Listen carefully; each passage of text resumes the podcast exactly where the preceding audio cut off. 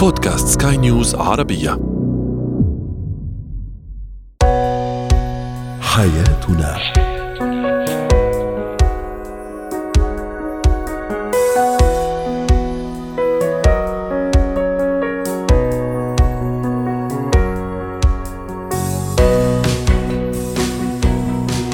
مستمعينا الكرام أهلا بكم معنا إلى حياتنا. فضاؤكم اليومي الذي يعنى بشؤون الأسرة وباقي الشؤون الحياتية الأخرى والذي يمكنكم الاستماع إليه عبر منصة سكاي نيوز عربيه dot com slash بودكاست وباقي منصات سكاي نيوز العربية الأخرى.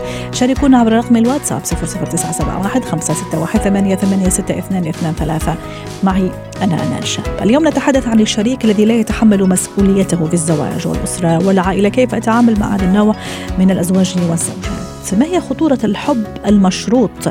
آه، بالنسبة للطفل بين الوالدين والطفل طبعا. وأخيرا ما المقصود بالمرونة النفسية وما هي أهميتها في العلاقات الاجتماعية بشكل عام؟ هو وهي. تقوم العلاقة الزوجية على مسؤولية أو على حقوق وواجبات وهو ما يندرج ضمن المسؤولية بشكل عام. زوجي لا يتحمل المسؤولية أو زوجتي لا تتحمل المسؤولية. لماذا؟ وما هي المسؤوليات في الحياة الزوجية ولماذا يخاف منها البعض؟ وأيضا ما هي العواقب عدم تحمل المسؤولية الزوجية؟ للحديث عن هذا الموضوع رحبوا معي بدكتورة نهاية رماوي الاستشارية النفسية والأسرية. سعد أوقاتك دكتورة نهاية. أهلا وسهلا فيك معنا. هل تعتقدين أنه أهم سبب أنه الزوج أو الزوجة ما تتحمل مسؤوليتها وما يتحمل مسؤوليته الزوجية والأسرية الأسرية أنه أصلا ما يعرف إيش يعني مسؤولية زوجية ومسؤولية أسرية. مساء الخير أمال يا أهلا وسهلا دكتورة. المستمعين. أول شيء بالمقدمة اللي بتقدميها عن مواضيع كثير شيقة ويعني بكون حابة أسمعها حتى اللقاء اللي بيجي بعدي أو المقابلة المواضيع. لكن إحنا نتحدث هلا على موضوعنا للمستمعين. وشيق اليوم ها؟ شيق يعني أنا متحمسة أسمع اللقاءات القادمة إن شاء الله. يا رب. آه الآن بالنسبة للمسؤولية طبعا في كل مرحلة من مراحل حياتنا نحن لنا أدوار. يعني سواء كنا مثلا بمرحلة الطفولة علينا أدوار مرحلة المراهقة مرحلة الزواج. كأم كأب كشخص بيشتغل كموظف كشو ما كنت أنت وضعك في أي مكان لك دور الشخص الذي يقوم بدوره على أتم وجه هو شخص ناجح شخص مرتاح شخص مريح للآخرين أيضا صح. لذلك عندما تكون على وعي بهذه المسؤوليات الملقاة على عاتقك حتى بغض النظر أنه تشعر فيها بعبء أو بمتعة عندما تكون على وعي وعارف إيش الأشياء المطلوبة منك هنا تكون شخص مرتاح وأيضا ناجح في هذه العلاقة ومساهم في نجاح العلاقة. لا سيما العلاقة الزوجية. الزوج والزوجة لكل منهما مسؤوليات والعلاقة زي ما حكينا هي علاقة المفروض تكون مشتركة بينهم تقوم على المشاركة المشاركه على تبادل الأدوار توزيعها حتى يرتاح الطرفين في هاي العلاقة. ما تكون عبء أو حمل على طرف واحد.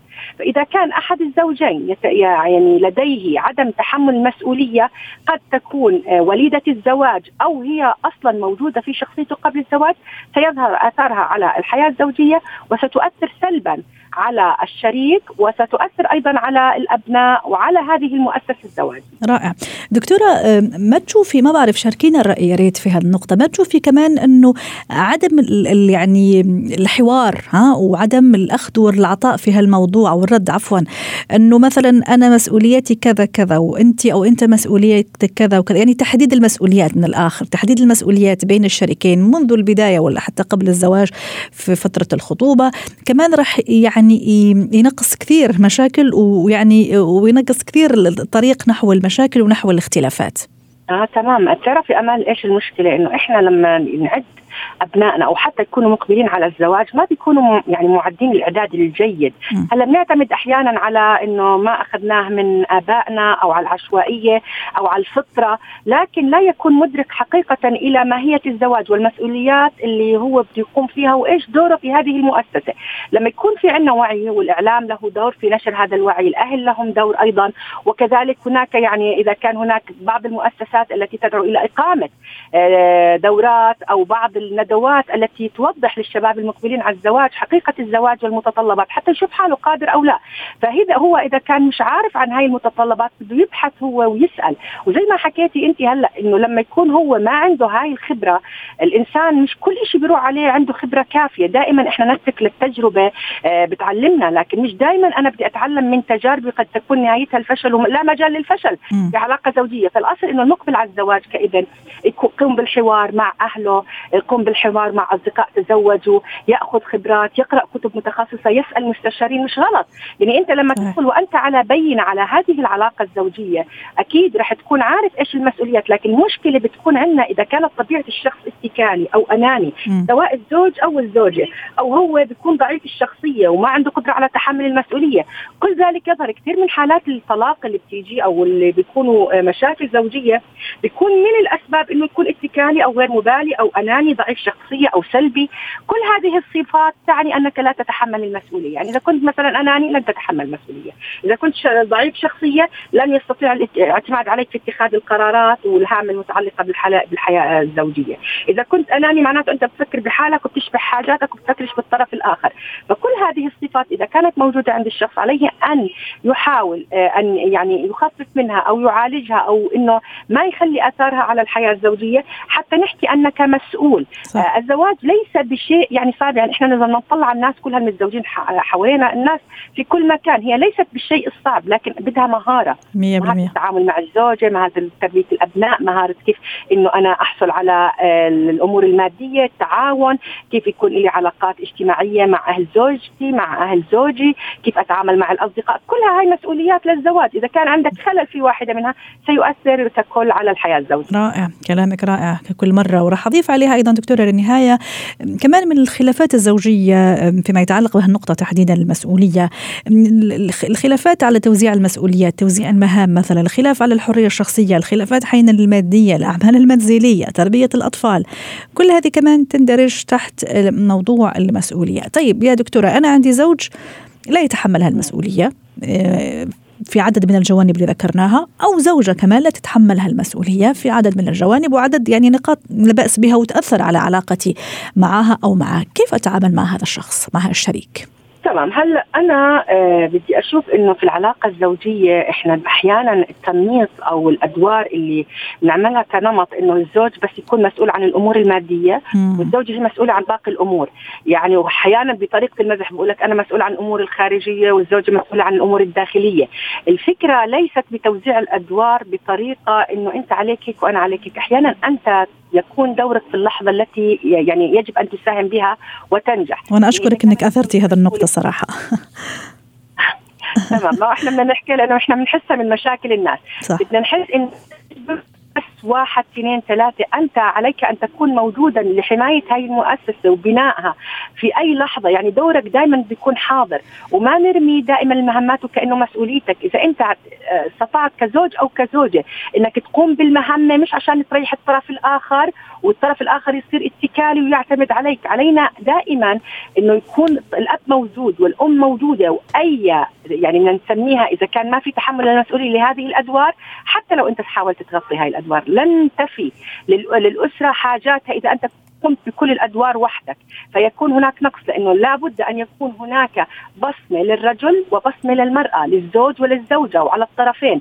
فأنت ما تروح تتبنى شيء تاخذه وتقول أنا مسؤول عنه وترمي الباقي سواء زوج أو زوجة، الزوجة بنعرف إنه هي تميل إلى الرعاية، إنه بتحب مثلا أمور البيت، إدارة البيت، تربية الأبناء، لكن لا يعني هذا تخلي الأب عن مسؤولية التربية، يجب أن يكون مسؤول عن تربية أبنائه كذلك حتى لو كان هو يغيب أغلب الوقت، هي الفترة مش بالكم العدد اللي بقضيه بالبيت بقدر ما هو البصمة اللي أنا بعملها في بيتي، إنه أنت إيش بتساهم بتربية أبنائك، بتأمين الاحتياجات سواء المادية أو النفسية، دعم زوجتك دعم زوجك كيف العلاقات الخارجية كلها مسؤولية مشتركة ومتداخلة وليست صعبة لكن إذا عرفنا نوزع الأدوار بأريحية دون الضغط على الطرف الآخر والفرض والإلزام أكيد بتكون في مساحة من الحرية للتحرك في هذه العلاقة وبالتالي بتكون العلاقات جدا سوية العلاقات الزوجية وأيضا مع الأبناء وأيضا في المجتمع حتى مجتمعنا بيكون سوي لما يكون خالي من هذه المشاكل. شكرا لك دكتورة نهاية الرماوي الاستشارية النفسية والأسرية ضيفتنا العزيزة من عمان وأتمنى لك يوم سعيد.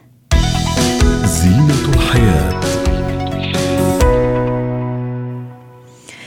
اليوم نتحدث عن الحب المشروط. يقع البعض بعض الأباء والأمهات في هذا الفخ فخ الحب المشروط مع الأبناء طبعا. وبكل بساطة الحب المشروط هو ذلك الحب الذي ترتبط فيه المشاعر بأفعال معينة من قبل هذا الطفل مقابل هذا المشاعر التي يعطيها. لطفلي ما خطورة ذلك؟ ما هي الأضرار السلبية لهذا الموضوع؟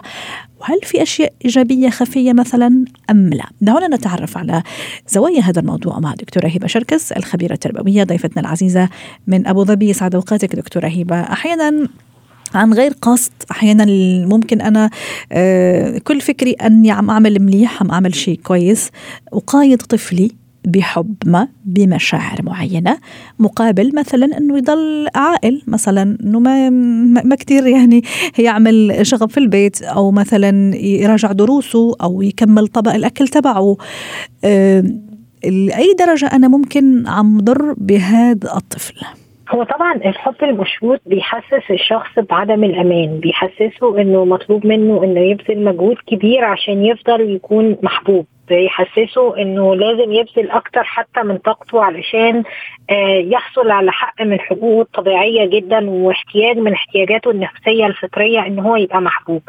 فلو أنا دايما بقول لابني أنا بحبك عشان أنت شاطر آه، أو أنا بحبك عشان أنت بتخلص الهومورك بتاعك بسرعة أو أنا بحبك عشان بيجيب درجات كويسة في المدرسة وبحبك علشان بحبك علشان فأنا واحدة واحدة ببرمج عقل الطفل إن مفيش حد بيحبك لشخصك. وإن دايما أنت بتتحب علشان بتعمل آه، أشياء معينة.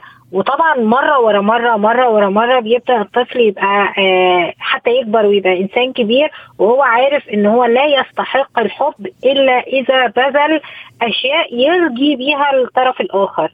مش بيتعلم آه إن هو يتحب لذاته ولا بيتعلم إن هو يعرف يحب شخص لذاته. ولا يعرف قيمة نفسه دكتورة وممكن أخلق منه شخصية انتهازية.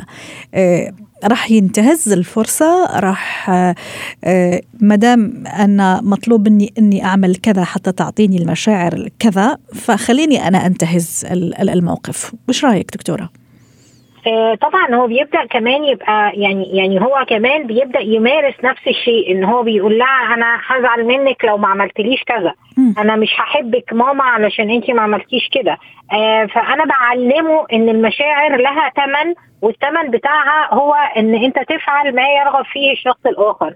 وبعلمه إن هو ينتهز الفرص. ممكن بعد كده لما يعمل حاجة كويسة يبقى مستني مني مقابل والمقابل بعد ما كان مشاعر ممكن يبدأ يبقى مقابل مادي, مادي. صح. وأنا هخلص ده بس اديني كذا لأن أنا علمته إن كل حاجة لها ثمن وكل حاجة لها سعر وكل حاجة بقت materialistic بقت مادية لكن هي مش حاجة أنا بحبك أنت كشخص.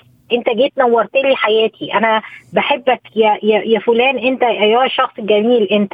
فمن غير سواء عملت صح أو غلط لازم أقول لابني هو يعني أنا برضه عايزة أقول حاجة. هو غلط مطلق ان أنا أقول لابني ان أنا بحبك علشان انت شاطر وبتجيب درجات كويسة في المدرسة؟ في الحقيقة هو مش خطأ مطلق لكن هو لو هو دي الطريقة الوحيدة اللي بعبر بيها عن حبي فأنا حبي دايما مشروط وابني مش حاسس بالأمان ومش حاسس إن هو محبوب لذاته وحاسس إن هو لو أثر أو غلط هيخرج من دائرة الحب بتاعتي. لكن أنا لو بقول لابني إن أنا بحبك حتى وقت الغلط يعني ابني مثلا جاب درجة مش كويسة في المدرسة فبقول له ولا يهمك أنا بحبك وأنا واثقة فيك وإن شاء الله يعني إيه هتتحسن وتقدر تجيبها وانت بطل وكلام من ده. فحس ان هو محبوب وهو مريض. حس ان هو محبوب وهو مخطئ. حس ان هو محبوب وهو مش قادر على العطاء. وبعدين في مرة من المرات قلت له إن أنا في في جزء من الحب له علاقة بإن أنت مريح قلبي فده مش غلط. لكن لو أنا دايما بقول له دايما ما بعرفش أقول غير إن أنا بحبك بحبك علشان كده. نعم. أو اعمل كده علشان أحبك. يا إما أنت ذاكر عشان أحبك. آه وأكيد طبعا دكتورة يعني هو يعني أكيد إحنا مش متعمدين بس أحيانا سبحان الله من من حبنا الكبير لهم ممكن يعني يخوننا تعبير مثلا إيش رأيك في, في وأنا شفتها كثير وسمعتها كثير في الحقيقة. آه تكمل الطبق تبعك مثلا آه راح أخليك تشوف مثلا رسوم الكرتون اللي بتحبها كمان. أنا في نفس الوقت يعني ابني مثلا شهيته كثير مثلا قليلة أو ضعيفة بس بدي إياه ياكل يا دكتور دكتورة كيف أتصرف في هالموضوع؟ كيف يكون حبي ليه يعني مش مشروط وفي نفس الوقت يكمل الطبق تبعه وفي نفس الوقت ما أعطيه هذا الحب المشروط؟ هو إن أنا لو أنا قاعدة معاه وقاعدة بأكله وفي نفس الوقت بمنحه الحب يعني أو أو هو بياكل وأنا قاعدة بتونس معاه وبقول له دوق دي أنا عاملاها بإيدي هتعجبك دي دي أنا عاملاها على ذوقك أنا عارفة إن أنت بتاكل الحاجة الفلانية دي وبتحبها فعملتها مخصوص علشانك طبطبت عليه بصيت في عينيه وهو بياكل اديته ابتسامة حلوة حتى لو هو مش عارف ياكل آه يعني مش قادر يكمل طبقه فكده أنا اديته الحب غير المشروط بعد كده لو اديته حافز خارجي قلت له مثلا طب كمل طبعا بقى علشان نقعد نتفرج على الكرتون اللي أنت بتحبه. فده اسمه حافز ده ما فيهوش مشكلة. لكن المشكلة إن دايما اقتران الحب بشيء الطفل لازم يعمله. لكن لو أنا بديله حب غير مشروط طول الوقت وجيت في مرة آه مثلا قارنت السلوك بتاعه بالمكافأة فده ساعتها بتكون مكافأة وليست حب غير مشروط. مهم الناس تفرق ما بين الاثنين ما بين المكافأة اللي أحيانا بنحتاج إن إحنا نديها والتحفيز وسيله التحفيز اللي أحيانا بحتاجها علشان أحفز الطفل علشان يكتسب سلوك جديد مهارة جديدة يعمل حاجة يخلص مهمة مطلوبة منه. وما بين الحب غير المشروط إن أنا دايما بعبر عن الحب بإن هو له سبب. طيب. كأن الطفل ده لا يستحق الحب بدون سبب. آه، في مشكلة كمان دكتورة آه، دم حكيتي على المكافأة. كمان أحيانا هالحب المشروط اللي أعطيه لابني يكون كمان مادي؟ بدل ما أقول له مثلا إذا نجحت في في في المدرسة راح أحبك وراح تبقى أنت يعني نمبر وان عندي وأنا راح يعني تبقى أنت ابني المدلل لا ممكن راح أعطيه مكافأة مادية. هل نفس الضرر كمان يقع هون؟ دام هو آه، كمان حب مشروط وإن اختلفت المكافأة في البداية. البداية في الشق الأول حكينا على مشاعر وحب وهون عم نحكي على آه، مادة ومبلغ مادي خلي أقول ولا هدية عينية هل يختلف الموضوع؟ الهدايا الهدايا والخدمات والكلمات التشجيع والثناء وكلمات الحب والوقت النوعي كل دي أشكال من أشكال التعبير عن الحب م. فلو أنا عبرت عن حبي بأي لغة من لغات الحب أو أي وسيلة من وسائل الحب وكان دايما بشكل دائم مقترن بإن آه، أنت لازم تعمل حاجة علشان تحصل على هدية. فده آه، طبعا شكل من أشكال الحب المشهور. لكن لو أنا بهادي أبنائي باستمرار بجيب له حاجة بيحبها فقلت له أنا عارفة إنك بتحب الحاجة دي فانا معديه شفتها فجبتها لك. جبت له هدية بمناسبة ميلاده جبت له هدية بدون مناسبة. وبعدين في مرة جبت له هدية عشان ينجح دي تحفيز. لكن لو دايما بعبر عن حبي سواء عن طريق الهدايا أو عن طريق الخدمات هوديك المكان الفلاني اللي أنت بتحبه لما تعمل الحاجة الفلانية. فهذا هو الخطأ. عشان أنا بحبك. فلو عبرت عن حبي باي لغة من لغات الحب فقط لما ابني يعمل ينجز مهمة واضح. وقارنته قارنته بهذه المهمة ده حب مشهور. لكن نعم. لو أنا واضح. دايما بعبر عن الحب بكل لغات الحب أحيانا بحفزه فالموضوع كده مقبول شكرا لك دكتورة هبه شركس الخبيرة التربوية ضيفتنا من أبو ظبي. مهارات الحياة.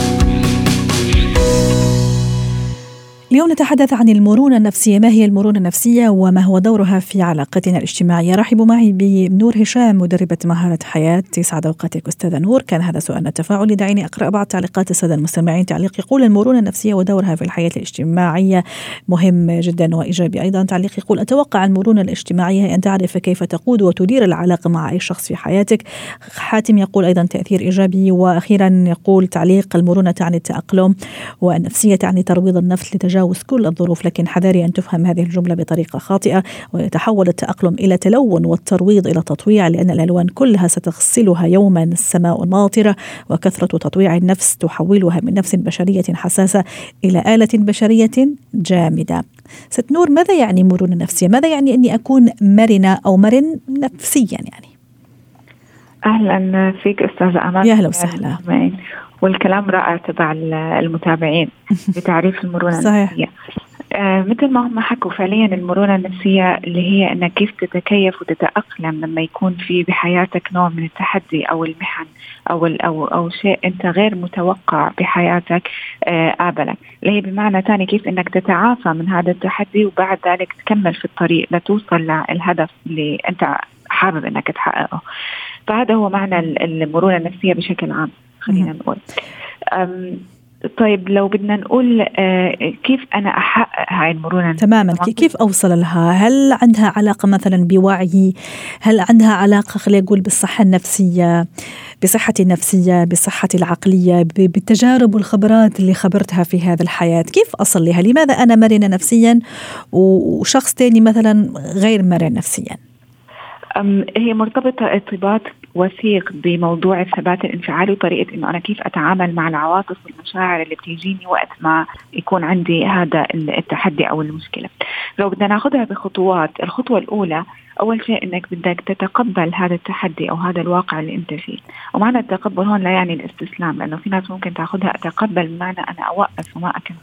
لا التقبل هون بمعنى إني أنا أتقبل إنه أنا حصل عندي تحدي. نعم ما أنكر هذا الموضوع ولكن كيف أنا بعدين اخذه وأوظفه؟ هذه المشكلة اللي صارت عندي لحتى إني أنا أتعلم منها وبعد ذلك إني أكمل.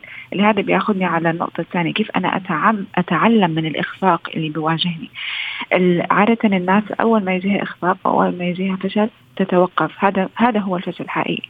النجاح هو أنت لو أخفقت كيف إنك تتعلم من هاي التجربة اللي أنت مريت فيها تستفيد منها وتبدأ إنك تاخذ الخطوة اللي بعدها تبدأ تجد بدائل وحلول أخرى. النقطة الثالثة اللي بتساعدني إني أنا أكون مرن دائما أنا أكون مستعد لأي فرص ثانية بمعنى عادة الناس خلينا نقول لو بدي آخذ مثال على الوظيفة، الناس دائما بتاخذ إنه أنا في وظيفتي معناته أنا حكمل فيها طول حياتي، ولكن قد يأتي أي تحدي صح. آه يجي لك تضطر إنك تغير هاي الوظيفة. فإنت صحيح. دائما لازم تكون مستعد لأن الفرص دائما تطور من نفسك في المجال المهني اللي أنت فيه على سبيل المثال. خلي عندك وناخذ الأمور كمان من جانب إيجابي نور. زي ما تفضلت اعطيتي مثال رائع و... ويعني في الصميم ممكن يجي لسبب ما من الأسباب ممكن قد يضطر الشخص لتغيير مثلا الكارير تبعه وظيفته مجاله. ممكن لا يتقبل لكن في شخص آخر لا يأخذها من جانب إيجابي وقد تحدث له فعلا طفرة كبيرة. إيجابية وت تغيير يعني 180 درجة في حياته. تماما. في بعض الأشخاص لو ما حصل هذا التحدي في حياتهم هم ما راح يشوفوا إمكانياتهم اللي هم أساسا بيمتلكوها. علشان هيك أنا التحدي لما أقع في هذا التحدي نعم أنا أتقبل. أنا قد تجيني مشاعر خلينا نقول مش جيدة اللي هي أنا حزين آه، أنا آه، متضايق. قد أكون عندي نوع من الغضب الخفيف ستريس توتر. طبيعي هذه هاي المشاعر ولكن أنا آخذها هي مشاعر محركة وليس وليست مشاعر توصلني لنوع من محبطة ومثبطة. طيب. نور حكينا لغاية الآن على هالمرونة وكيف أنا أستفيد منها على مستواي الشخصي يعني كأمال أو كنور. طيب إذا حبينا نتوسع أكثر وكان هذا موضوعنا وسؤالنا التفاعلي في علاقاتي الاجتماعية في العمل في البيت في الأسرة زملاء أصدقاء أه، هل فعلا الإسقاطات راح تكون زي ما عم نحكي الآن على علي أنا هل يعني فعلا أجني ثمارها وإيجابياتها إذا ما اتسمت فعلا بهالمرونة النفسية؟ الحل لهذا الموضوع إنه يكون في عندي خطة سواء في منزل في البيت عندي سواء في العمل سواء في أي جانب من جوانب حياتي. لو أنا عندي خطة واضحة عندي plan A plan B plan C آه راح يكون في نوع من المرونة. لأنه لو plan A عندي صار فيها أي مشكلة بالتالي أنا في عندي plan C جاهزة أو sorry plan B جاهزة plan C جاهزة.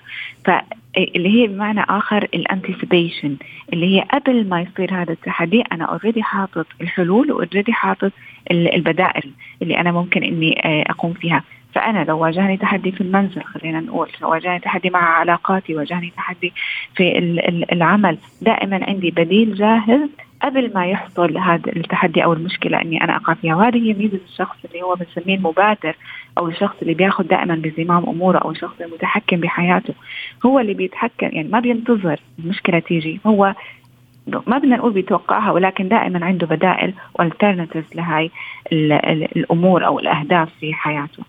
وبالتالي هو دائما بتلاقيه الشخص المرن في عنده نوع من خلينا نقول الأمل وعنده التقبل كمان أستاذة نور وهذا كثير مهم أتصور لمصطلح التقبل. اللي هي الأولى النقطة الأولى اللي حكينا عنها أنا يكون عندي تقبل وليس استسلام. تقبل لا يعني الاستسلام تقبل يعني أنا نعم أنا وقعت في هذا التحدي ولكن أبدأ أغير طريقة تفكيري كيف أنا أطلع من هذا التحدي. ممكن أسأل أشخاص آخرين مروا بنفس التجربة اللي أنا مريت فيها. ممكن أنا نفسي مريت بهاي التجربة سابقا أكون تعلمت منها فحتكون عندي إياها أسهل في التعامل معها الآن. الشخص دائما المرن بتلاقيه طموح بتلاقيه في عنده إقبال على الحياة في عنده شغف. بيعتبر هاي التحديات هي نوع من الإكسايتمنت خلينا نقول الشيء المثير في. حياته. صح. دائما ممتن يعني بينظر دائما للأشياء اللي يمتلكها وليس الأشياء اللي يمتلكها. مع العمل رائع. التطوير والتقدم في حياته. مقدر دائما لأي علاقات سواء علاقات اجتماعية في المنزل مع أولاده مع زوجته أو مع زملائه في العمل. فعنده تقدير ويسعى إلى تنمية هاي العلاقات. واضح. شكرا لك أستاذة نور هشام مدربة مهارة حياة ضيفتنا العزيزة وأتمنى لك يوم سعيد. حياتنا.